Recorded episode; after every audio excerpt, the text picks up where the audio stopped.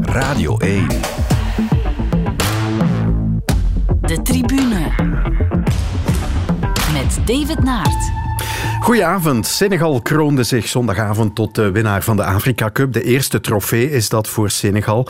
Wij hebben vandaag in de tribune iemand te gast die actief was op de Afrika Cup. En met het kleine Gambia schopte hij het zowaar tot de kwartfinales. Goedenavond, Tom Saint-Viet. Goedenavond. En mijn tweede gast is ook een Tom. Een Tom die de eerste Tom goed kent. Dag Tom Boudewil. Dag David Naert. Collega bij Sportza. Hoe lang kennen jullie elkaar eigenlijk al? Uh, ik uh, moest er vandaag eens uh, over nadenken, maar eh, mijn geheugen is zo lek als een zeef. En je hebt gewoon de tegenpool uitgenodigd. De man die alle data, alle wedstrijden, alle namen nog kent. Ja, dus ik over ga naar over naar de, de andere Tom. Tom. Ja, um, 2002 Okay. Lokere B68 toftier in de Intertoto Cup, oh. eerste ronde, voilà. uh, ergens in juli, augustus 2002. En wat deed jij daar? Ik, uh, help, ik hielp uh, B68 toftier. Ik had in de Faroe-eilanden gevoetbald en mijn voormalige trainer was trainer van B68 toftier. En ik had hem wat informatie over Lokeren gegeven. En het heeft geholpen, want het einduitslag was 0-0. en voor een ploeg uit de Faroe is dat een uitstekend resultaat. Dat was een heel goed resultaat. Ja, ja. En horen jullie elkaar nu nog vaak? ja, we horen elkaar nog redelijk vaak, ja. Ja, vaak over voetbal natuurlijk. En zeker als ik in het land ben, uh, dan praten we zeker. Ja, en sinds dinsdag ben je weer in het land, dacht ik, hè? Sinds uh, woensdag. Woensdagochtend okay. ben ik geland. Blij terug te zijn of mis je het toch al?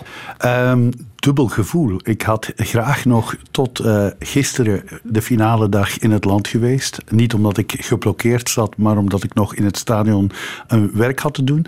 Maar dat is uh, jammer genoeg niet gelukt. Uh, en anderzijds ben ik blij dat ik bij de familie terug ben en dat ik ook even wat koelere temperaturen kan voelen. Ja, straks gaan we het nog uitgebreid hebben over de Afrika Cup. Maar we beginnen met de momenten van de week. En Tom Saint-Viet, dit is jouw keuze. Even kijken. Oendaf, ja, hij doet hem erin.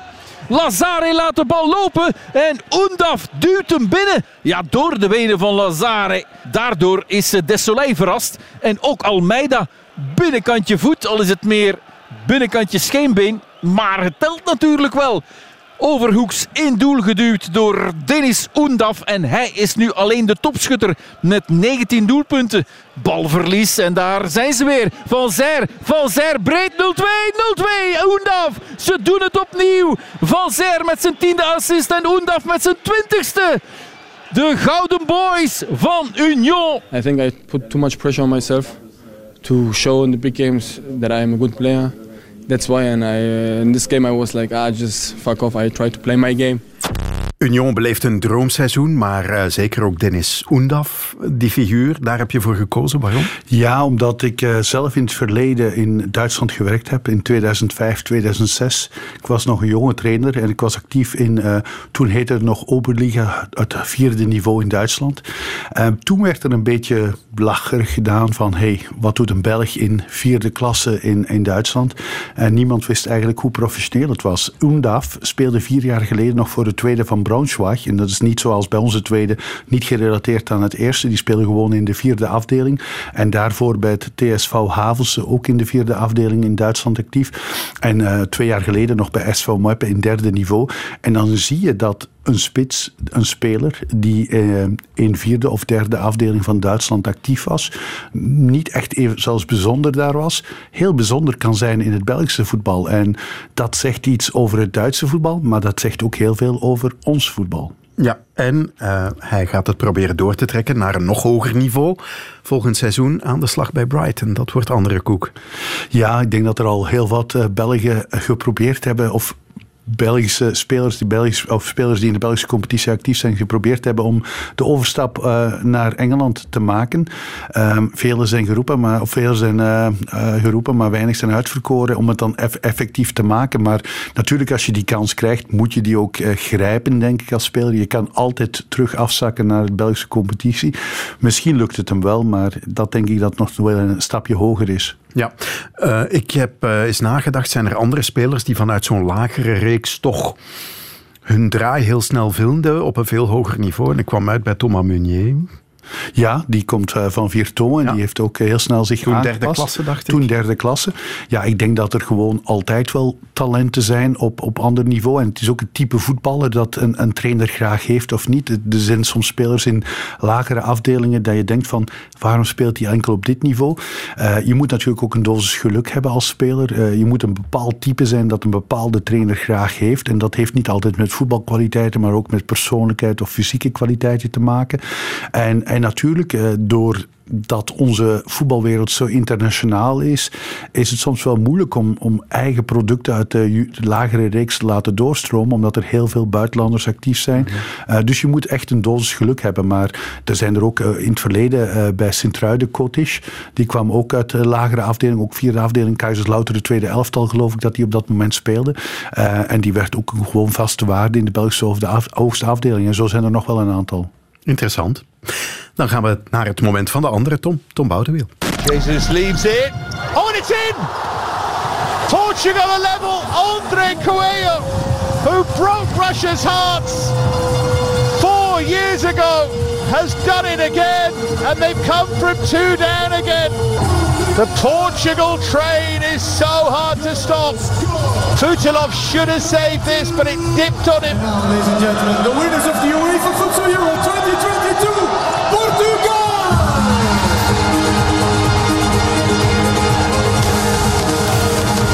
Portugal won afgelopen weekend eh, goud op het Europees kampioenschap voedsel in Nederland. Ja. En dat is jouw keuze, Tom. Leg eens uit. Ja, je weet dat ik een hart heb voor kleinere sporten. Het is dan wel in het voetbal, maar het is ja, het kleine broertje natuurlijk van het eh, grote voetbal. Al was eh, Alexander Seferin, de voorzitter van UEFA, daar om de beker uit te reiken. En het is een beetje zoals in België, waar de grote voetbalbond ook de kleintjes erbij heeft eh, gehaald. De zaalvoetbal en minivoetbal, dat toch heel populair is in Oost- en West-Vlaanderen. In tegenstelling tot het voedsel, wat toch meer de andere kant is, Limburg en Antwerpen. Dus de hoop is om ooit een eh, Oost-Vlaamse ploeg erbij te krijgen. Ehm Halle Gooik profileert zich ook een beetje als een Oost-Vlaamse ploeg, maar is het natuurlijk niet. Eh, ik vind het een eh, fantastische sport. Het gaat heel snel, het is heel spectaculair, het is eh, technisch. Ehm, en ja, het is gewoon leuk om naar te kijken. En dat Nederland dat kan organiseren, dat vind ik fantastisch, want het is geen groot eh, voedselland. Het is bovendien heel heel goed eh, georganiseerd in Amsterdam en in eh, Groningen. En eh, ja, daarom heb ik het gekozen. Ook al omdat in mijn eigen club er een voetbalspeler is. En die heeft gisteren een fantastische beweging gedaan die alleen voetballers kunnen. En ik heb het ook vernoemd. Ik heb gisteren de wedstrijd van Anderlecht gedaan. En als je dan een Zirkzee bezig ziet, ja, dat zijn gewoon de voetbalbewegingen. Eh, de speler afhouden door ja, met een gestrekt been die bal bij te houden. Het het versnellen. Ja, dat is een echte voetballer. En daarom heb ik het eh, gekozen. Ja. Heb je het op de voet gevolgd? Die halve finale bijvoorbeeld, Rusland tegen Oekraïne. Zeldzame keer dat die twee landen het eh, tegen elkaar opnemen. En Rusland eh, won uiteindelijk Ja, zeker in deze periode waar de spanningen toch eh, hoog oplopen. Ze noemden het de verboden match. Dus ja, het was interessant om te volgen. De andere kant ook Spanje tegen Portugal. Ja, Spanje heeft op elk toernooi hebben ze al een medaille behaald. Zeven keer Europees kampioen. Nu zijn ze derde geworden. Ja, dat was gewoon een fantastische wedstrijd. Wat een hoog niveau dat Ja. is. Die, die, die, die bewegingen die ingestudeerd eh, worden, dat afwerken. Die keepers, ja, die zijn bijna gek, denk ik, om dan in een eh, doel te gaan staan. Ja, ik vond het gewoon fantastisch. En wat heeft België nodig om zich te plaatsen voor zo'n eindronde? Eh, professionalisering. En dat is het grote probleem in een kleine sport. Je hebt uh, Halle Gooik, die het heel goed doen, die enorm investeren, ook in uh, buitenlands talent, die in principe altijd kampioen zouden moeten worden. Nu hebben ze in Roosdaal een eigen zaal zijn ze aan het bouwen, specifiek voor dat de voedsel met padelvelden. Dat, is, dat is een fabriekje geworden, Halle. Je hebt Antwerpen, dat dankzij het Topsportfonds in Antwerpen toch ook een heel sterke team op been kan brengen. Zeker als je weet wat een talent allemaal aanwezig is in die grootstad in uh, Antwerpen. Maar er zal moeten geprofessionaliseerd worden. Als je ja, die Spanjaarden ziet, de Portugezen, dat zijn gewoon fulltime profs. En dat kan natuurlijk niet in België. De laatste keer dat België erbij was, was toen we het zelf organiseerden. Ja, maar dat is ook zo alweer gaat eh, acht jaar geleden, Zo 2014. gaat het. Ja. En nu moeten ze natuurlijk zoveel kwalificatiewedstrijden, eh, ook eh, kwalificatiegroepen overleven om er te geraken. En ik heb ja, de indruk dat er nu ook wel een generatiewissel aan de gang is, dat er wat nieuwe gasten moeten komen. Een eh, Sababti bijvoorbeeld is toch ook al even in de 30, bijna 100 caps. Dus ehm, ja, er zal een nieuwe generatie moeten komen. Ja, Eh, ik zit hier met twee voetbalmannen in de studio en soms kiezen die toch voor een moment voor een andere sport. Heb je dat overwogen? Dacht maar, judo-toernooi van Parijs, heel goede prestaties, onder meer goud van Nikiforov. Of de winterspelen die begonnen zijn, maar Ja, ik hou wel van veel sporten, wielrennen en, en Formule 1 zou misschien nog aan bod kunnen komen, maar er wordt weinig gefietst en nog minder met auto's gereden in deze tijd van nog even jaar. geduld. Nog even geduld. Dus ehm, daarom was ik eigenlijk eh, vooral toegespitst op, eh, op het voetbal. En natuurlijk wat Union en UNDAF deden, was ook uniek. En Tom? Want jij hebt al wel wat zomerspelen ge- gedaan. winterspelen Eh, Kijk niet, je naar nee. de winterspelen? Weinig, weinig. Hmm. Je neemt wel eh, de grote dingen mee. Ehm, de vijfde plaats van de, eh, Hanne de Smet, eh Irene Woest. Ja, daar moet je als sportjournalist, wat ik toch nog altijd ben, eh, moet je toch ook volgen. Maar ik ga niet urenlang naar eh, de afdaling eh, zitten te kijken, bijvoorbeeld. Nee, dat ga ik niet doen. Radio 1. De tribune. Gisteren eindigde de Afrika Cup dus met de finale tussen Senegal en Egypte. En na twee verloren finales was de eindoverwinning eindelijk voor Senegal. De finale van de Afrika Cup. Senegal-Egypte dus. Meegegeven. En dan is daar de kans. Misschien wel via een penalty. Ja, die gaat er komen. Victor Gomez geeft hem de strafschop aan Senegal. Mane, drie doelpunten deze Afrika Cup. Daarvan één strafschop benut. Wordt dit zijn tweede? Wordt dit zijn belangrijkste? Dat wordt hij niet. Kabaski. Geheime info van Salah. Is dus gouden info. Na 120 minuten voetbal heeft de Afrika Cup nog steeds geen winnaar. En dus gaan we vanaf de penaltystip bepalen of het Egypte wordt of Senegal. Abdelmonem na twee rake strafschoppen nu mis. Bounassar. Slechte penalty. Lachine. Mist. Ook al zo'n matige penalty. Een makkie voor Mandi. En nu kan het voorbij zijn. Voor de winst in de Afrika Cup. Senegal voor de eerste keer winnaar van de Afrika Cup. Kalidou Koulibaly, Sadio Mané, Aliou Cissé. De cup is eindelijk van jullie.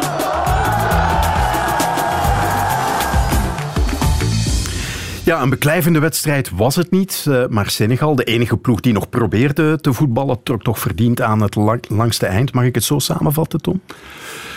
Ja, ik verdient. Ik, ik ben niet altijd de trainer die uitgaat dat de best voetballende ploeg moet winnen. Ik bedoel, soms, soms een tactisch spelletje van een trainer kan ook eh verdiend een overwinning opleveren natuurlijk. Maar eh, gezien de laatste jaren had ik ook Senegal vooraf. Ik had eigenlijk als finale voor het toernooi Senegal-Algerije getipt.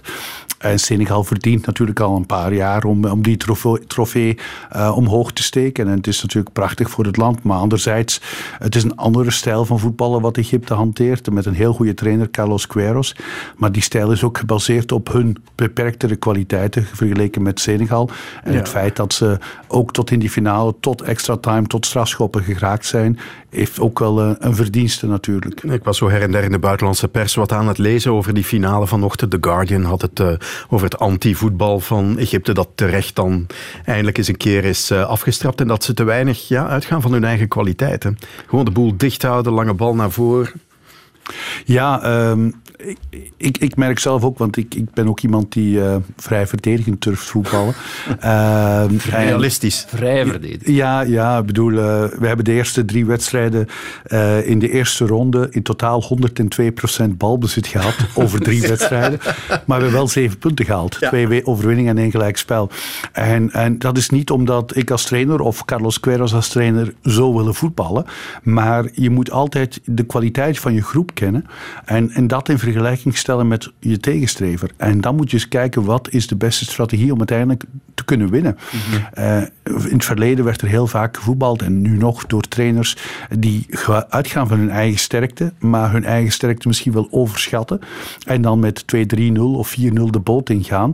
En dan kun je maar afwegen van ja, heb je wel goed gevoetbald, maar dan heb je eh, misschien wel balbezit, maar eh, niet het, resultaat. Dus ja, anti-voetbal. Ik, ik vind gewoon intelligent voetbal naar de kwaliteiten van Egypte. Want voor het toernooi had niemand Egypte eh, ingeschat als kandidaat om de finale te halen. Dus ik vind dat ze het knap gedaan hebben met realistisch, eh, goed georganiseerd voetbal. Ja, eh, je hebt het al even gehad over de moeilijkheden die je had met Gambia, hè, qua balbezit in de, in de groepsfase. Maar je bereikt wel die kwartfinales. Ja, waar plaats je dit nu? Als je erop terugkijkt. Ehm, ja, tweeërlei. Eerst en vooral eh, hadden we het verwacht. Eh, ja en nee. Eh, nee, omdat we nooit een toernooi gespeeld hadden. Gambia staat 150ste op de Het is wereld. ook een klein land. 2 miljoen inwoners, het kleinste land op het vasteland in, in Afrika. Kleiner dan Lesotho, kleiner dan Eswatini, het voormalige Swaziland. Ja. Ehm, dus nooit gekwalificeerd voor een toernooi en nooit op dat niveau gespeeld. Anderzijds hebben we de laatste drieënhalf jaar tegen heel wat toppers gespeeld. Twee keer gelijk tegen Algerije, in Marokko 1-0 gewonnen. Eh, gewonnen tegen Gabon, tegen Congo, tegen Togo, tegen Angola, andere toplanden in Afrika. Dus we wisten wel dat we competitief waren. En moet eerlijk zeggen dat we in de groep, eh, in de buitenwereld, in de media, heb ik altijd gezegd: we zijn hier om te leren. Eh, we zijn hier als underdog, we zijn het kleine landje, het klein duimpje hier. Maar in de groep hebben we altijd uitgesproken dat we kampioen wilden worden. Weten dat dat niet realistisch was, maar we wouden eigenlijk wel duidelijk maken: van we hebben vertrouwen in jullie. We hebben bijvoorbeeld video's gemaakt over het succes van Denemarken in 92, eh, van Griekenland in 2004 en van Zambia in eh, 2012, die allemaal onverwacht kampioen werden van Europa en van Afrika. Ehm, we hebben onder andere ook motiva- motivational video's gemaakt over ons eigen elftal. En we hebben geleidelijk aan eigenlijk toch dat vertrouwen opgebouwd dat we misschien wel de verrassing kunnen worden. En ehm, natuurlijk, ik denk over het algemeen, want heel veel mensen praten ook over Comoren, maar als je eerlijk bent, Comoren heeft vier wedstrijden gespeeld, drie verloren en eentje gewonnen. Ja, we hebben er vijf gespeeld, drie gewonnen, eh, eentje gelijk en eentje verloren. We hebben in de eerste ronde één tegendoelpunt gehad, wat een strafschop was. En, en we hebben drie doelpunten gemaakt. Tweede wedstrijd ook, eh, in de hal- tweede ronde ook 1-0 gewonnen. Dus we hebben het heel goed gedaan. Maar, onder, maar ondertussen zitten er ook veel Gambianen in Europa. Dus dat, zitten met- dat zijn stappen die jullie zetten wel. Ja, we zitten ongeveer met 130 Gambianen in Europa. Er zijn een aantal grote namen zoals Moussa Barrow van Bologna, eh, Omar Colley, ex-Racing Genk Sampdoria, Ibrahima Darboe eh, van eh, AS Roma. Heel wat jongens spelen weinig. Ibrahima Darboe, maar ook eh Ibrahima Colley bij Spezia of Surma Mare bij Gent komt eigenlijk weinig aan spelen toe. Maar ook in onze selectie, en die ook frequent speelden, zaten twee jongens uit de vierde afdeling in Engeland, uit vierde afdeling in Zweden, Denemarken, vijfde afdeling in, in Zwitserland. Dus het was wel een mix. Maar toen als we tegen Cameroen speelden en we waren uiteindelijk uitgeschakeld in de kwartfinale. Dat was een heel raar gevoel. Je zou denken van, goh, we hebben kwartfinale gehaald, maar iedereen was ontgoocheld. De jongens zaten te wenen op het veld eh, en, en ik zelf ook had dagen een gevoel van, iedereen zei van, hey, geweldig gedaan. En ik had gewoon dagen van gevoel van, we hebben verloren. Omdat je eigenlijk in die roes zit van, van winnen, winnen en hoe verder dat je geraakt, hoe verder dat je wil geraken. En dat was een heel raar gevoel. Dus we zijn zeker tevreden met dit. We zijn uiteindelijk zesde geworden op het toernooi van het aantal punten dat we gehaald hebben. Dat is prachtig als, als eerste keer meedoen en als 150ste in de wereld. Maar anderzijds, ja, was het net eh, een weekje te vroeg gedaan. Zeker omdat ze in maart alweer pre, pre, pre, pre, pre-kwalificaties moeten spelen. Dat is te gek natuurlijk. Zo snel gaat dat. Dat, ja, dat is ook absurd. En dat heb ik ook een aantal keer aangehaald in de internationale media. En ehm, voor de mensen die niet echt thuis zijn, er is een FIFA-ranking. En die FIFA-ranking bepaalt in welke, ja, hoe sterk je bent uiteindelijk. Wij staan nog altijd 150ste. Die zal op geüpdate worden binnen een paar dagen. En dan klimmen we 25 posities op de wereld. We zijn de beste klimmer in, in januari eh, over heel de wereld. Maar dat telt niet mee. Ze hebben de loting gedaan. Moeten wij pre-kwalificatie, omdat we bij de slechtste acht landen in Afrika zijn, pre-kwalificatie tegen Tjaad spelen. En dat is niet gemakkelijk. We hebben tegen Djibouti twee keer gelijk gespeeld, enkel met strafschoppen kunnen kwalificeren. En het is een beetje frustrerend, omdat die FIFA-ranking eigenlijk veranderd is tijdens het WK van 2018. Eh, puur op basis dat grote landen zoals eh, Amerika, USA, eh, niet aanwezig waren in Rusland. En dat het enorm veel tv-gelden mislopen. Sponsorgelden, eh, Ja. tv-kijkers. En de grote landen moesten eigenlijk een beetje sneller of makkelijker in toernooien Ja. komen. Hebben ze die FIFA-ranking aangepast. Maar ten nadele van de kleintjes natuurlijk. Ja. Ehm, hoe is er nu in Gambia gereageerd op wat jij daar met de Ja, ploeg want hebt ik vond, ik vond het vreemd. Hij is meteen naar België gekomen. Normaal denk je van, ja, hij gaat nog twee, twee weken... Ja, maar nee. dat, eh, dat dachten wij ook. Eh, ehm, het, het, het zit zo dat eh, in Gambia elke overwinning gevierd is als, als, een, als een wereldbeker. eh, heel duidelijk. Na onze eerste overwinning, de eerste wedstrijd tegen Mauritanië, eh barstte het feest los. Eh, in Gambia was er in begin december eh, verkiezingen geweest, eh, politieke verkiezingen. En er was wat tweeheid in, in het land. eh, en nu eh, he- hebben we eigenlijk het land verenigd. En, en dus iedereen feestte samen. En ze zeiden ook na, na die eerste overwinning, mocht je nu alles nog verliezen, je bent al een held, dit toernooi is al geslaagd. Maar we gingen dus nog verder en dat was geweldig. En wij dachten dat we eh, na vorige week zaterdag uitgeschakeld te zijn, eh, dat we naar Gambia zouden vliegen op zondag om dan zondag of maandag gehuldigd te worden als helden.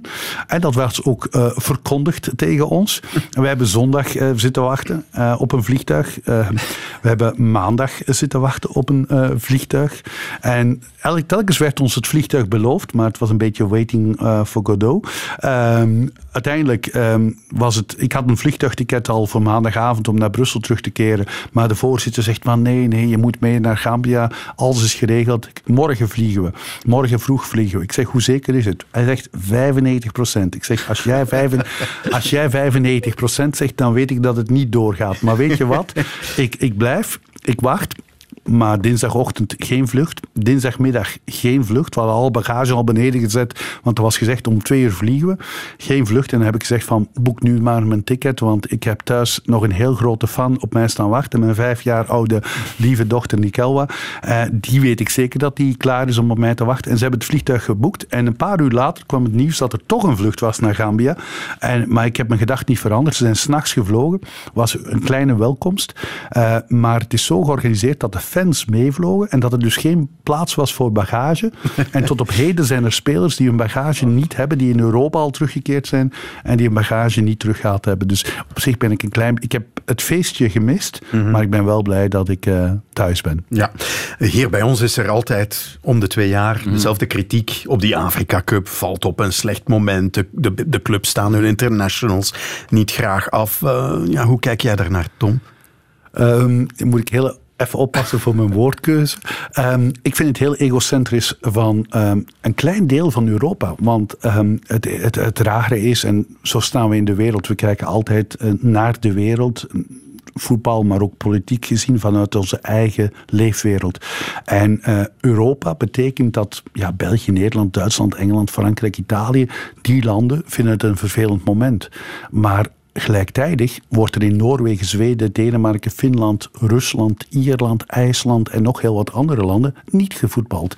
Zij zijn het einde van het seizoen, zij hebben gewoon een, een break daar. Dus zij hebben geen moeite daarmee. Als wij in juni zouden spelen, zouden zij weer moeite hebben. Als het Europees kampioenschap in juli gespeeld wordt, moeten zij hun competitie stopleggen. En dan wordt er nooit over gezeurd. Dus ik vind het een beetje egocentrisch van een klein deel. Uh, eerst en vooral dat de Afrika elke twee jaar georganiseerd wordt, is al sinds mensenheugenis zo. Dus daar moeten we mee leven. Ten tweede. Um, dat het in deze periode heeft natuurlijk ook met weersomstandigheden te maken. Uh, regenseizoenen, uh, warmte.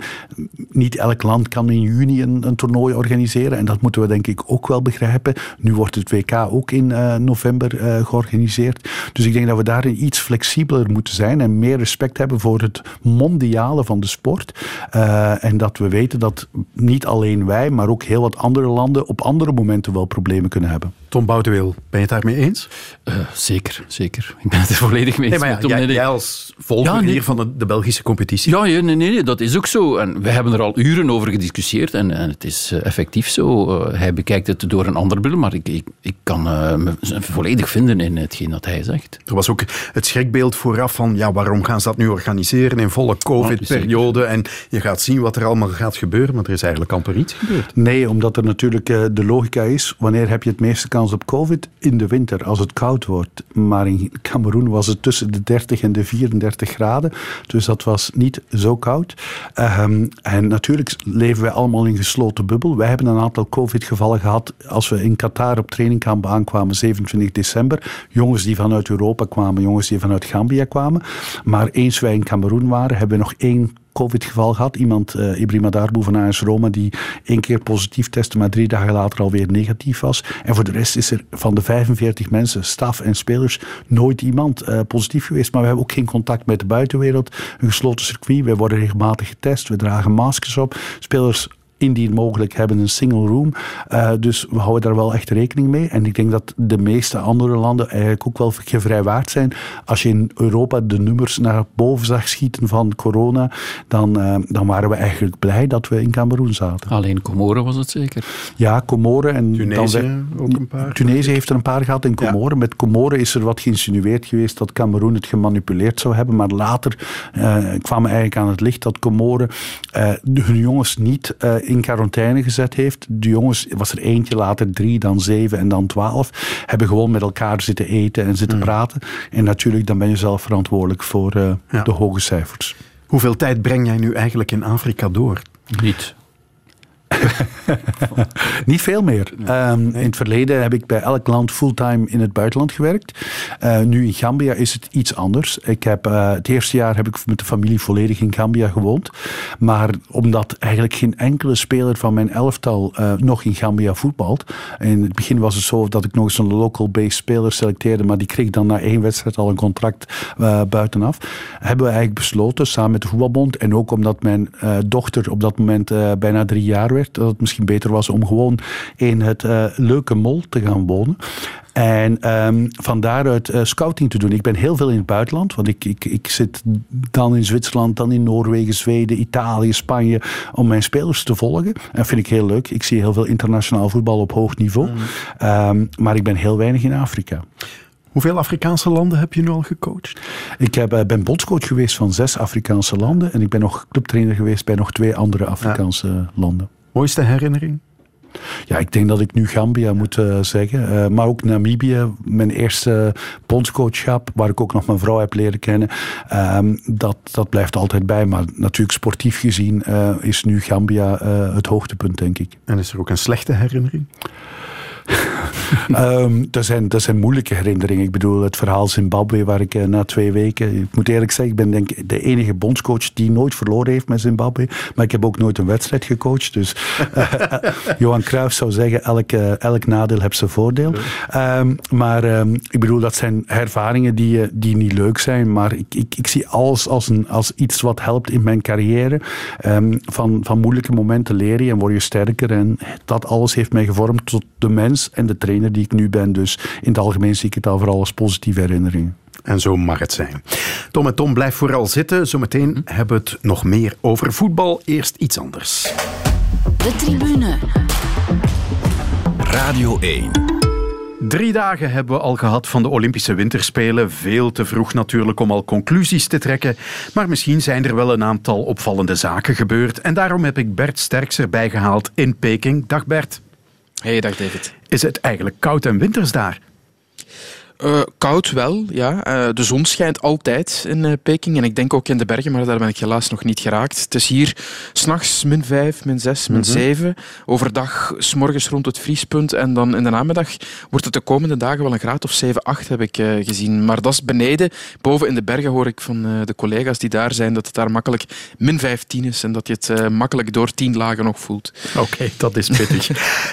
goed, zullen we het eens hebben over de Belgen? Het is te vroeg, ik weet het, om ja. een eerste balans al op te maken, maar het valt toch op, op drie dagen tijd, twee top acht plaatsen, dat is -hmm. helemaal niet slecht. Nee, en van verschillende atleten. Hè. Vorige winterspelen was Bart Swings de enige die in die top 8 raakte, volgens mij. Uh, nu zitten we met Hanne de Smet vandaag, die uh, een geweldige opsteker heeft na haar hersenschudding, waar ze tot op vandaag eigenlijk nog geregeld last van heeft. Een vijfde plek tussen de wereldtop is echt wel uh, heel mooi voor haar. Op haar minste afstand dan nog, de 500 meter. Die ze in haar halve finale, vond ik wel best tactisch goed aanpakte. Ze viel dan wel op haar buik na contact met de Chinese, maar ze zat lekker in het spoor van Suzanne Schulting, zoals eigenlijk bij haar zilver op de 1000 meter op het eh, WK van uh, vorig jaar was dat. Dus het was een beetje dat verhaal tot ze werd aangetikt door die Chinezen en ze alsnog werd uh, opgevist nadien om naar de finale te gaan. Maar die vijfde plaats voor de Smet is sowieso heel knap gedaan en haar beste afstanden moeten nog komen. Zullen we eens luisteren naar shorttrackster Hanne de Smet. Goh, ja, het lijkt niet heel uh, echt eigenlijk. Ja, het is 500 meter. Ik verwacht hier helemaal niks van. Ik uh, gebruik dit wel als opwarming, een beetje gevoel krijgen, een beetje de tegenstand zien. En dan staat ze daar ineens in een A-finale tegen de beste ter wereld op de Olympische Spelen. Dus ja, speciale dag. Nu op naar de volgende. De afstanden dat ik eigenlijk kan. Dus, uh, dat is wel goed voor het zelfvertrouwen. Dat was Hanne de Smet. Bert, als je nu de Spelen in hun geheel bekijkt, heb je de voorbije dagen al memorabele momenten gezien? Uh, ja, uh, de slotronde van Niels van der Poel gisteren vond ik uh, redelijk fenomenaal. Op hoe de hij 5000 dat meter snelschaatsen. Ja, inderdaad. Ja, hoe hij dat verschil nog goed maakte op Patrick Roest. Hij lag bij het ingaan van de laatste ronde een seconde achter op de tijd van Roest en wint uiteindelijk met een halve seconde verschil. Dat was toch behoorlijk indrukwekkend hoe hij daar zijn favoriete rol dan toch alsnog met glans vervulde. Want het zag er op drie ronden van het einde naar uit dat hij zelfs het podium niet zou halen. Maar dan die versnelling helemaal op het einde vond ik redelijk geweldig. Ja, en dan vandaag natuurlijk een uh, heel mooi moment met Irene Wust, afscheid nemend uh, na deze Olympische Spelen. Hoe zij nog naar het goud is gereden vandaag op de 1500 meter bij de vrouwen was ook uh, behoorlijk indrukwekkend. Ze zit nu aan 12 Olympische medailles, zes keer goud. En ze zei vooraf, ja, alles wat ik hier pak is bonus. Maar als je dan ziet hoe ze een perfecte rit rijdt. Alles was tot in de puntjes uitgetaald, hoeveel ze nodig had in elke ronde. dan weet je gewoon dat ze geweldig goed was voorbereid. En, en, ze zegt dan wel, iedereen vindt haar een beetje een, een ijskonijn en ze kan die Olympische druk aan als geen ander. Maar achteraf zei ze wel dat ze doodnerveus was, dat ze moest kokhalzen bij de geur van eten in het restaurant in het Olympisch dorp. Ze had drie happen gegeten, hè, wetende dat ze de dag ervoor genoeg binnen had om voldoende energie te hebben. Maar ja, het is, het is gewoon een heel straffe madame. Hè. Ze heeft medailles op de 1000, op de 1500, de 3000, de 5000 en de ploegenachtervolging op de Olympische Spelen. Dat is uh, geweldig allround en als je daar nog het aantal gouden bij telt, dat is uh, bijna niet te evenaren. Irene Wust was uh, behoorlijk emotioneel na haar gouden medaille bij de collega's van de NOS. Ze zeggen wel eens, uh, dit had ik niet durven dromen. Had jij dit durven dromen? Nee, ja, het, het... Ik, ik zit behoorlijk vol emotie. En op dit moment heb ik heel het idee dat ik in, in een droom zit eigenlijk. Een soort van ja, fantastische film en uh, gaandeweg heb ik al behoorlijk veel interviews gehad nu. En behoorlijk veel vragen. En dan daalt het zo langzamerhand in wat, uh, wat ik eigenlijk gedaan heb. En uh, dat is best wel uniek. En wat heb je dan gedaan? Nou ja, voor de vijfde Olympische Spelen op een rij goud gewonnen en mijn zesde in totaal. En dat doe je dan als 19-jarige broekie te schreeuwen voor jou in Turijn. Met woorden, dit is ongelooflijk Bert. En dat doe ik dan 16 jaar later, mijn 35ste nog een keer. Dit is toch ongelooflijk, Bert? En dat was Irene Wust. Tot slot, Bert, uh, ik las een interessant artikel in de Times vandaag. En daar leerde ik dat uh, Kim Meilemans helemaal niet de enige atleet is die moeilijke momenten heeft doorgemaakt, of nog altijd doormaakt in Peking. En dat komt allemaal door die positieve COVID-tests. Ja, ik heb het vandaag nog tijdens het snelschaatsen verteld. Er waren twee Poolse schaatsers die aan de start kwamen vandaag op de 1500 meter. Die allebei in uh, isolatie hebben gezeten met degoutant eten. Vijf dagen hetzelfde ontbijt, vijf dagen hetzelfde avondeten. Wat van die enge macaroni, krulletjes met uh, een onbestemde saus. Ook elke dag dezelfde. Ik denk als je even googelt op de vrij onuitspreekbare namen dat je nog wel foto's zal vinden. Het zag er echt niet uit. Geen atletenvoedsel. Hè. Het was ja. deprimerend, zeiden ze. Ontmoedigend. Ze hadden zin om naar huis te gaan. Ze mochten er dan twee dagen of drie dagen geleden weer uit en weer trainen. En vandaag die eerste wedstrijd. Goed, ja, dat zijn de regels. Maar behandel ze dan tenminste, zou ik zeggen, in isolatie even goed als in het Olympisch dorp. En niet als een soort van criminelen, omdat ze positief zijn getest. Want zo lijkt het natuurlijk wel. Hè. Als je daar in een kille kamer wordt gezet met, met een soort van gevangenis eten. Ronduit belachelijk dat het IOC dat niet beter heeft voorzien, geen lessen heeft getrokken uit, uit uh, Tokio, waar die kritiek er ook nu en dan al was, en weggevoerd worden in een ambulance. Ja, dat heeft natuurlijk wel impact. Hè. Het is niet dat die atleten ziek zijn. Voor het overige hebben die bijna geen, geen symptomen, maar die worden dan wel in een ambulance afgevoerd naar een griezelige plek. Dat kan allemaal toch uh, heel wat anders, denk ik. En ook, ja, er zijn er hier redelijk wat die beginnen te twijfelen aan de waarheidsgetrouwheid van die testen. Er waren twee Australische curlers die positief waren. Dan toch weer niet net als ze wouden inpakken. Mochten ze dan toch nog deelnemen. Uh, vandaag waren er Canadese ijshockeyers die met mondkapjes speelden tegen Rusland. Eerst wouden ze niet spelen, dan deden ze het met mondkapjes aan, omdat ze de testresultaten van de Russen niet vertrouwden, waarvan er een heel pak in isolatie hadden gezeten de voorbije week. Dus nee, dat verhaal van Meilemans, dat is mondiaal snel gepasseerd. Dat is helaas eh, niet het enige. Hè. Bij haar was het dan ook nog een keer de slechte communicatie die erbij kwam. Dus de opvang, de begeleiding, de rechtlijnigheid, dat kan allemaal veel beter, denk ik, eh, bij het IOC. Wat natuurlijk niet wil zeggen dat je positief geteste atleten gewoon vrijuit hun eh, ding moet laten doen. Hè. Dat is een, een heel andere zaak. Jij bent toch nog altijd negatief, Bert? Ik heb vanmorgen getest en vermits ik niemand op mijn schouder heb voelen tikken tijdens het schaatsen, wil dat zeggen dat ik morgen nog altijd met een gerust hart mag opstaan, denk ik. Nog twee weken volhouden. Dankjewel, Bert. Radio 1. De tribune. Terug naar mijn gasten hier in de studio, sportza-collega Tom Boudewil. En nog een Tom, Tom Saint-Fiet, bondscoach van Gambia, dat op de Afrika Cup de kwartfinales bereikte. Uh, Tom, ik heb een vraag binnengekregen van een luisteraar of het klopt dat jij Samuel Eto'o hebt ontmoet. Ja, uh, Samuel Eto'o had... Uh, gevraagd om een, een, shirtje van ons te hebben dat gehandtekend was door oh. onze spelers. Dus, uh, dat is mooi. Ja, ik weet niet waarom, maar uh, uh, ik weet ook niet voor welke ruimte in zijn huis. Misschien voor de badkamer of zo. En hij heeft, en hij heeft ingekregen? Hij, heeft, hij is bezoek geweest in het hotel en ik heb het hem zelf overhandigd. Dus... Want hij, hij, is voorzitter van de voetbalbond ja, van Cameroen. Ja, en hij vroeg zelfs een foto met mij, met het shirtje. Okay. Hij vroeg een foto, dus ja. ja. Wat zegt een mens dan? Uiteraard, ja. Ja, ja, nee. Ik, ik, uh, ik, ik, sta wel met veel mensen op de foto, maar het is altijd wel een eer uh, om, uh, om ja. met iemand als Samuel Eto'o op de foto te staan, natuurlijk. Ja. Je hebt nu al uitgebreid verteld over ja, je, wat je hebt meegemaakt in Afrika, de Faroe ook. Maar, maar ja, we kennen jou als een coach die inderdaad in het buitenland zijn geluk gaat beproeven. Maar dat is eigenlijk van moeten. Het is echt van moeten. Uh, ik was 24 jaar toen als ik hoofdtrainer werd in het Belgische amateurvoetbal in provinciale reeksen. Uh, ik stopte met voetbal omdat ik eigenlijk heel veel blessures had gehad en ik zat toch meer op de bank. Dus dacht ik, dan kan ik er even goed mijn beroep van maken. Dus ik werd trainer in provinciale reeksen, uh, maar wou eigenlijk al heel snel hogerop. Maar toen botste ik altijd tegen die deur van hey, je bent te jong. Um, en toen kreeg ik de mogelijkheid op 7, 28-jarige leeftijd om uh, fulltime hoofdtrainer te worden in de Faroe-eilanden, waar ik ook nog even gevoetbald had. En die kans heb ik toen met twee handen gegrepen. Later ben ik nog heel even bij Telstar assistent geweest van Poortvliet en uh, kreeg ik de kans om met Walter Meus uh, naar Qatar te gaan. Toen in de Star League met grote namen als Gordiola, Basler, Effenberg, uh, Batistuta ik was toen 30 en doordat ik eigenlijk al in een paar landen gewerkt had en ook redelijk goed mentaal sprak, kwamen de ene na de andere aanbieding uit het buitenland. Ik heb in het verleden heel vaak gesolliciteerd in, in België. En dan voornamelijk bij clubs als Cercle Beveren, Sint-Truiden. En dan kreeg ik heel vaak de uitleg van, hé ja, maar jij kent het Belgisch voetbal te weinig. Uh, je bent al te lang in het buitenland. En dan gaven ze een Israëliër of een Spanjaard een contract die nog nooit in België was ja. geweest. En die vaak nog niet de taal spraken. Een Spanjaard die na twee wedstrijddagen ontslagen moest worden omdat hij niet kon communiceren met zijn ploeg. Dus dat is een beetje de rode draad in mijn leven. Maar op dit moment uh, ben ik best tevreden met wat ik heb bereikt en met de, de loopbaan die ik heb gehad. Enkele weken geleden hadden we hier voetbalmakelaar Stijn Francis te gast in de tribune. En die brak een lans voor jou, Tom je enig idee hoe dat komt eigenlijk, dat de clubs hier nooit aan hem denken? De, de perceptie is natuurlijk ook van ja, toen hij begon kende niemand hem en ik denk dat hij in amateurvoetbal gevoetbald had.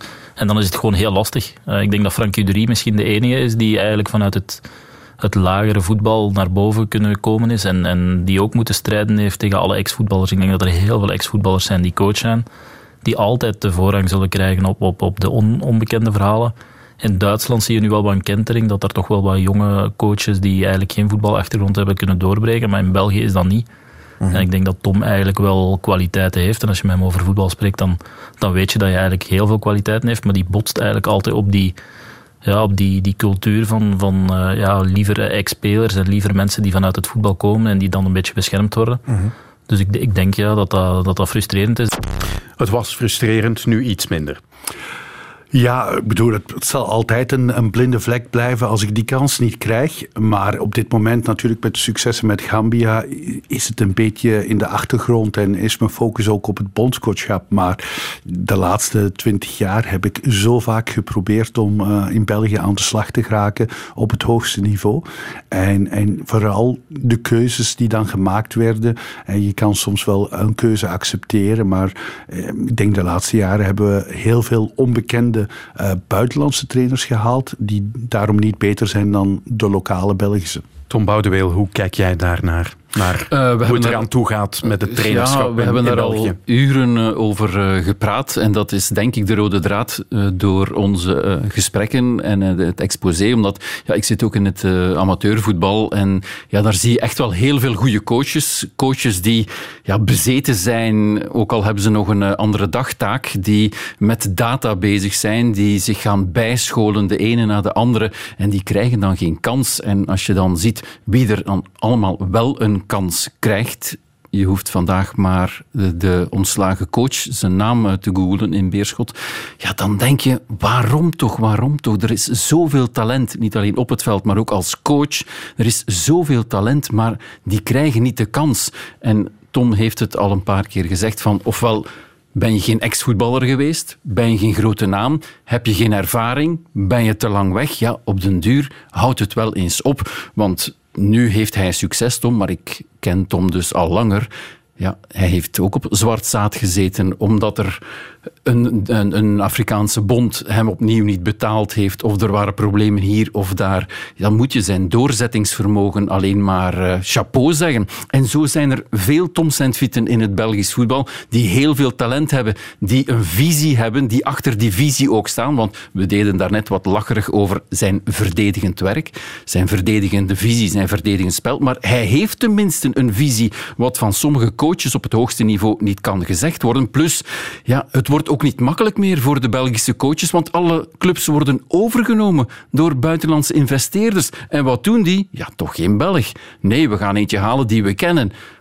Dus ja, dat is een beetje de frustratie. Ja, we belden gisteren met elkaar, mhm. Tom, uh, om dit gesprek wat voor te bereiden. En je noemde de andere Tom de ideale vertegenwoordiger van de Belgische coaches. Ja, maar dat is ook zo. En hij niet alleen, er zijn nog een aantal mm anderen die op die nagel blijven kloppen. Maar Tom is altijd de eerste om Belgische coaches een kans te geven. Want ik probeer, maar dat is absoluut niet simpel, om alle Belgische coaches in het buitenland bij te houden. Er zijn er heel veel in Afrika die we zelfs niet kennen. Er zijn er veel in Saoedi-Arabië die we niet kennen, die daar aan hun weg timmeren. En Tom is in elk interview, dus hij gaat het nu ook zo meteen weer zeggen, is hij de man die zegt van we moeten de Belgen gewoon meer kansen geven. Hij gaat het verhaal van Blessin vertellen, ongetwijfeld. Wel, pik maar in, Tom. Nee, maar het klopt. Er zijn heel veel kwalitatieve Belgische trainers, ook in lagere reeksen. Het is soms uh, de kansen die je krijgt om het uh, op het hoogste niveau te tonen, dan kun je die kans grijpen. Je hebt nooit gefaald als je nooit de kans gekregen hebt. Um, en ook in het buitenland, zoals Tom zegt. En natuurlijk, we hebben het over buitenlandse trainers. En ik heb geen enkel probleem dat uh, er in het verleden werd er ook buitenlandse trainers gehaald. Ik herinner me KV Mechelen, uh, Aten Moshalen, die kwam van Ajax Amsterdam. Maar nu kunnen we geen trainer van Ajax meer veroorloven. Nu halen we een jeugdtrainer uit Duitsland. Of we halen een damestrainer uit Oostenrijk. Dan denk je van, ja, maar hebben we dan geen Belgische trainers met een beter cv?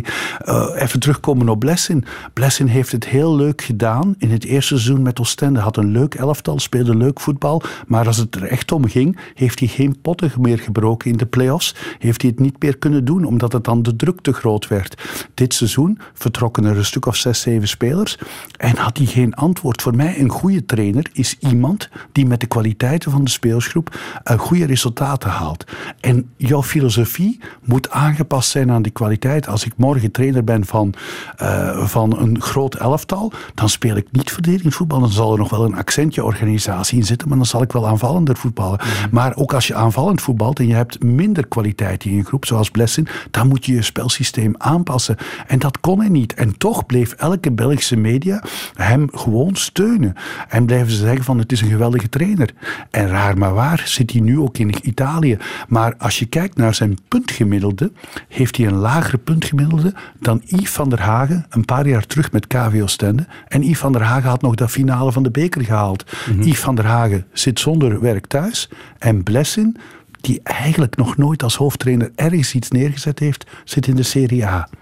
Sven van den Broek bijvoorbeeld, die is uh, verkozen tot trainer van het jaar oké, in Tanzania, maar je moet het dan ook maar doen als buitenlandse coach. En nu is die, op basis van vorig seizoen, verkozen tot trainer van het jaar in Marokko. Dat is nu toch al een uh, stapje hoger. Niet met een topclub, nee, hij heeft ze van plaats 11 toen hij gekomen is, naar plaats 3 gebracht. Dat blijft allemaal onder de radar, maar ja, Sven doet het. Daarom hoop ik dat een Philippe Clément een lans kan breken. En dat zei hij ook bij zijn voorstelling. Ik wil een pionier zijn, uh, deuren openen voor de andere Belgische coaches. Dus ik zit al maanden, weken, met mijn vingers gekruist dat hij het goed doet.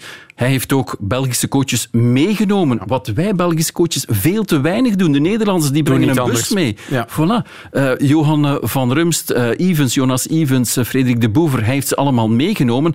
En ik hoop dat ze slagen, dat de Belgische coaches ook in de buitenlandse competities aan het werk kunnen. Tom, je hebt daar net enkele clubs genoemd, Beveren, Sint-Truiden, waar je wel eens een cv naartoe hebt gestuurd. Maar is er ooit een moment geweest dat het echt concreet werd en je op het punt stond te tekenen? Of is het nooit zo ver gekomen? Um, er zijn eigenlijk twee, denk ik, dat het eerste moment was ik 28 jaar. En toen uh, was ik nog trainer in Provinciale. En uh, een vriend van Enver Alesic, die toen uh, bij Harelbeke zat, um, had mij voorgesteld bij Enver als nieuwe hoofdtrainer. ze waren net naar tweede klasse gezakt. En ik moest eigenlijk naar Harelbeke rijden. En ik weet nog precies hoeveel geld ik zou verdienen. Ik zou 109.000 Belgische frank krijgen bruto. Um, 2.500 euro, zoiets, ja, ja denk ik. Um, en ik zat in de auto naar Harelbeke en ik krijg een telefoontje van Enver en zegt ik durf het toch niet. Uh, je bent 28, je bent onbekend en uh, ik ga Jerko Tiporic nemen. Uh, en ik heb toen scouting gedaan voor, voor hun. Dus dat was eigenlijk de eerste keer dat zo dacht van yes, nu komt de kans er. En die kwam er niet. En ik heb ooit met Cercle Brugge samengezeten. En dat vind ik ook wel een heel leuk verhaal. En dat zegt misschien, ik wil geen kritiek uiten naar um, clubeigenaars, maar ik wil misschien wel ogen openen. Um, ik zat met Cercle Brugge uh, samen die tegen degradatie aan het vechten waren uh, voor uh, in de eerste klasse te blijven. En um, ik heb mijn verhaal gedaan, ik had analyse gedaan en ik ben wel een beetje, denk ik, een specialist in kleinere elftallen uh, snelle resultaten te doen. Nou, ook als bondscoach heb je soms maar drie, vier dagen tijd en je moet alles overbrengen op korte tijd. Je hebt geen weken of maanden tijd. Um, en Cercle had weinig tijd, moest nog play-offs spelen uh, uh, om niet te degraderen. En uiteindelijk ging de keuze naar Dennis van Wijk. En de uitleg was, Dennis is gewoon om eindrondes te spelen. Maar natuurlijk een eindronde spelen met KV Oostende, Antwerp of uh, wanneer je uit tweede wil promoveren, is een volledige andere mindset dan een eindronde spelen, diezelfde eindronde, met een elftal dat het hele jaar verloren heeft, dat eigenlijk angst heeft om te degraderen. Dus moet je een heel ander soort trainer aanstellen. Ze, hadden ze hebben Dennis van Wijk aangesteld en ze zijn gedegradeerd. Maar dat zijn zo die momenten dat je denkt van, mm-hmm. als ik dan op die moment die kans krijg, weet ik met mijn kwaliteiten dat ik misschien iets had kunnen neerzetten. En ik ben ook heel eerlijk, als ik die kans krijg en ik faal, heb ik niks meer te zeggen. Ja. Maar op dit moment heb ik nooit die kans gehad. Dus ja, dat blijft een open vraag. Heeft Beerschot al gebeld ondertussen? Die hebben vandaag een coach Torrente aan de deur gezet. Nog zo'n onbegrijpelijke keuze voilà. voor een trainer. Moet ik zeggen, een Argentijn die nooit hoofdcoach was in, nee, in Europa. Die enkel Spaans praat. Ja, ja Jan en van die Winkel. ook het behoud moet afdwingen in echt ja. moeilijke omstandigheden. Jan van Winkel ken ik al heel veel jaren, omdat Jan ook wel uh, mijn pad doorkruist heeft. Ook in het buitenland gewerkt en natuurlijk ook als uh, voorzitter, denk ik, van de trainersorganisatie. Uh, wel vaak in, met hem in contact geweest. in het verleden een paar keer zegt hij van, als ik belde van ja, maar jij bent niet vrij. Um, nu de laatste maanden heb ik eigenlijk geen contact met hem gehad. Uh, maar ik vond het ook heel raar. Maar oké, Jan kent uh, de, de Argentijnse trainer natuurlijk van zijn tijd met Bielsa in Olympique Marseille. Uh, dus daar zat wel een link en waarschijnlijk had hij daar vertrouwen in. Anderzijds, iemand die het Belgisch voetbal niet kan en communicatie is zo belangrijk. Um, en zelfs ik in Gambia, ik heb een aantal jongens die in Duitsland of in Zwitserland geboren zijn. Ik praat Duits met die jongens, omdat hoe beter je kan uh, jongens bereiken, individueel, tijdens een wedstrijd, tijdens een bespreking, hoe makkelijker het overgaat. Als iemand dat moet vertalen, dan mis je zoveel finesse, zoveel waarde van, van je woorden. En ik denk dat daar toch wel uh, te weinig naar gekeken wordt. Er wordt heel vaak gekeken naar data en, en statistieken, maar ik denk dat people management in het huidige voetbal enorme waarde heeft. Ja, maar stel dat ze nu bellen, Beerschot met een voorstel, zou je tekenen? Ik ben niet vrij, dus. Uh... Verstandig antwoord. Maar uh, goed, we zullen het over een andere trainerswissel hebben. Een, uh, ja, moet al even een paar weken teruggaan in de tijd natuurlijk. Maar het vertrek van Philippe Clement bij Club Brugge, daar is de Nederlander Alfred Schreuder gekomen. Ja, het draait niet, hè, Tom? Het, draait, het, draait, het draait helemaal niet. En uh, soms heb je het gevoel, zeker na gisteren, dat hij het uh, ondertussen niet meer weet. Er is natuurlijk... Ja, de kleedkamer is uh, veranderd. De trainer is veranderd. de spelers, er zijn spelers bijgekomen. Dus dat zijn drie moeilijke zaken die op korte, op korte tijd moeten verwerkt worden. Ja, en als je ziet, als je Vormer en Dost twee wedstrijden bij de rust eruit haalt, dat zijn toch twee van je belangrijkste spelers, dan kom je uiteindelijk weer waar ook Philippe Clément gestrand is. Op Ruud Vormer en op Bas Dost. En ik vrees dat het stilaan weer naar uh, Charlotte de Ketelaar diep in de punten met de voetballertjes zal te maken hebben. Maar ja, het zit gewoon niet goed in, in de groep. De balans zit niet in het team. Um, Balanta moet terugkomen. Wie heeft er allemaal weer op de zes gespeeld? Vormer is volgens mij absoluut geen zes voor een uh, topteam in, in toppers. Dus ja, Rits heeft er gespeeld, Balanta heeft er gespeeld. Hij heeft zoveel systemen al geprobeerd, terwijl we net nu in de belangrijkste fase van de competitie zitten. En dat wordt wel een probleem, want iedereen zegt zegt altijd maar, ook de collega's, ja, het is al twaalf punten met Union. Het is misschien een zware uitspraak, maar ik denk dat Club Brugge nu eventjes naar beneden moet kijken. Want er staan er wel een paar te drummen. En er zijn nog acht wedstrijden, dus er zijn ook wel nog veel punten te verliezen. Als je in 26 wedstrijden amper 13 keer kan winnen, dus je mhm. verliest punten in 13 wedstrijden, dan denk ik dat Club Brugge een probleem is. Ook al omdat het een Nederlandse coach is en die staat niet voor no sweat, no glory. Ja.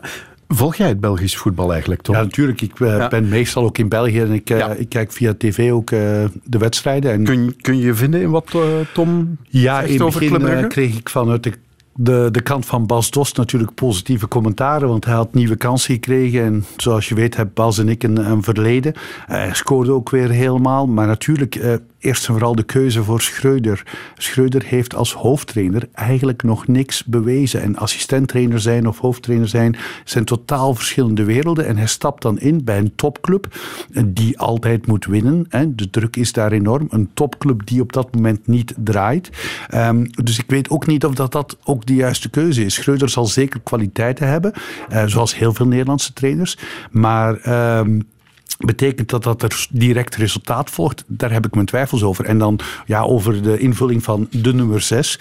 Ik merk, en niet alleen in België, maar in heel veel landen, dat uh, clubs enkel maar van uitgaan van één spelsysteem. En in 80, 85 procent van de wedstrijden kan dat. Want dan ben je de betere mhm. en dan kun je overheersen. Maar je moet ook een, een plan B hebben. Ik herinner me heel wat jaren terug als Chelsea de bus parkeerde in de Champions League en Barcelona geen antwoord wist. Toen had Barcelona uh, een Dimitri Boulikin of een Koller op de bank moeten hebben om een gewoon iemand ingooien en het ja gewoon wat even, Dost wel kan worden. Ja, ja, maar bedoel je moet plan B hebben en ook een 6 heb je misschien niet altijd nodig, maar voor die topwedstrijden en zo ook internationaal als je in Europa gaat voetballen, dan moet je ander type voetballers hebben omdat je niet altijd hetzelfde spel kan spelen. En daar ligt natuurlijk transferpolitiek en ook natuurlijk de keuze van een trainer voor. Plus uh, een, een gezegde is: aanvallers winnen wedstrijden, maar verdedigers winnen kampioenschappen. En hoe zit het met de verdediging en met de balans en het verdedigende compartiment in het middenveld van Club Brugge? Ja. Het antwoord weten we. Ja, en ondertussen is Union weg. 12 punten voor al op Club Brugge, 10 op de tweede, Antwerp. Kan Union het nog verliezen? De vraag die elke week terugkomt, ja, op maandagochtend in de ochtend en ook hier in de tribune. Ik, ik, ik denk het niet, omdat uh, Union heeft alles wat de andere ploegen niet hebben. De grinta, het blok, de visie. Want je kan zeggen van Union, ja, ze spelen minder goed. Dat hebben ze nu bij Antwerpen een antwoord op gegeven. Maar er staat iets. Iedereen werkt voor iedereen. Het is niet het beste team, het zijn niet de duurste mannen. Maar dit is voetbal. Dat heeft Gambia getoond tijdens de Afrika Cup. En dit toont Union. Union heeft alles wat veel ploegen gewoon missen. Daarom. Ja, ik, ik zie bij een Union een elftal staan Voilà, en een, een een team. team staan dat, dat eigenlijk, want we hadden begin van het seizoen dachten van dat blijft niet duren. Eupen begon ook goed, maar staan nu eh, onderaan te bengelen. Eh, maar bij Union is die constante daar en er kan wel eens een nederlaag komen. En dacht iedereen van nu zal het wel gedaan zijn. Maar de week nadien stonden ze er weer. En dat is geweldig hoe dat, dat elftal gevormd is met een toptrainer. Ook Een Belgische. Een Belgische trainer. Want als je kijkt naar de ranking, de top 5, top 6, de meeste elftallen worden getraind door een Belg. Ehm, en de lagere ploegen worden getraind door een buitenlander. Dus daar is ook nog wel een signaaltje. ja. Inderdaad. Zo Ja. is het. En daarmee zijn we bijna aan het eind gekomen van deze aflevering van de Tribune met de gebruikelijke slotvraag. Waar kijken jullie deze week op sportief gebied nog naar uit? Tom Saint-Fiet, jij eerst. Oeh, eh, Mag kort zijn, hoor. Ik heb, ik heb me er niet echt op voorbereid. Ik weet niet eh, wat, er, eh, wat er nog te gebeuren staat. Ah ja, ik ga morgen naar een wedstrijd kijken. Ik ga morgen naar PSV NAC Breda kijken. Voilà, geniet ervan. Tom Boudeweel? Ik ga mee. Dat is mooi. Tom en Tom, bedankt voor jullie komst naar de tribune. Vrijdag zijn we er trouwens al opnieuw met een podcast special van de tribune. En daarin blikken we met Peter van den Bemt en Aster en Zeemana vooruit naar de knock-outfase van de Champions League. Tot dan.